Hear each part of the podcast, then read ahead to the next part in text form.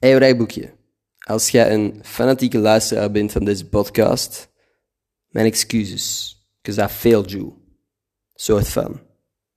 Voor ik uitleg hoe ik het ga goed maken, had ik beloofd dat ik hier eigenlijk elke dag zou uploaden. Dat ik elke dag een podcast zou delen. Maar ik wist dat dit ging gebeuren. Het moment dat ik mijn eerste dag zei van, weet je, ik maak er morgen gewoon twee.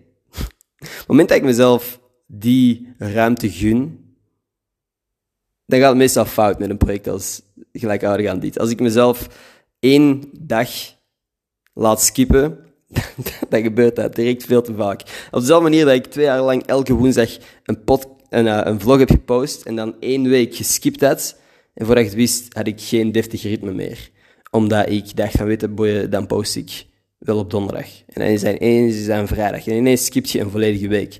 En dan denk je van, weet je, er zijn nog niet zoveel mensen afgehaakt, dus boeien, ik zal nog wel, nog wel eens een week skippen. Dat was helemaal niet de bedoeling met deze podcast. Ik was oprecht van plan om elke dag te posten, maar hey, here we are. En ik kan nog steeds zorgen dat ik tegen het eind van dit jaar 365 podcasts heb gepost.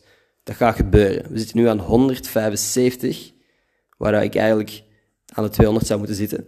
Maar I promise I'll make it up to you. Ik heb gewoon vaak het gevoel dat ik niet ongelooflijk veel te zeggen heb aan het eind van de dag. En de dagen waar ik wel veel te zeggen zou hebben, ben ik kapot. Ik heb van de laatste weken veel draaidagen gehad tot vier uur of zo. En dan heb ik vaak niet de energie om dit te doen. Ook al zijn het maar afleveringen van twee minuten, is dat soms zo net die twee minuten te veel voor ik ga slapen. Anyway, I apologize. I'm gonna make it up to you. Ik ga er nu nog één opnemen, mijn derde van deze avond. En dan pas ga ik slapen. En op die manier ga ik met inhaalbeweging beginnen. Oké, okay, that's it. Volgende podcast eentje met meer inhoud over de opnames van de laatste dagen. Tot straks.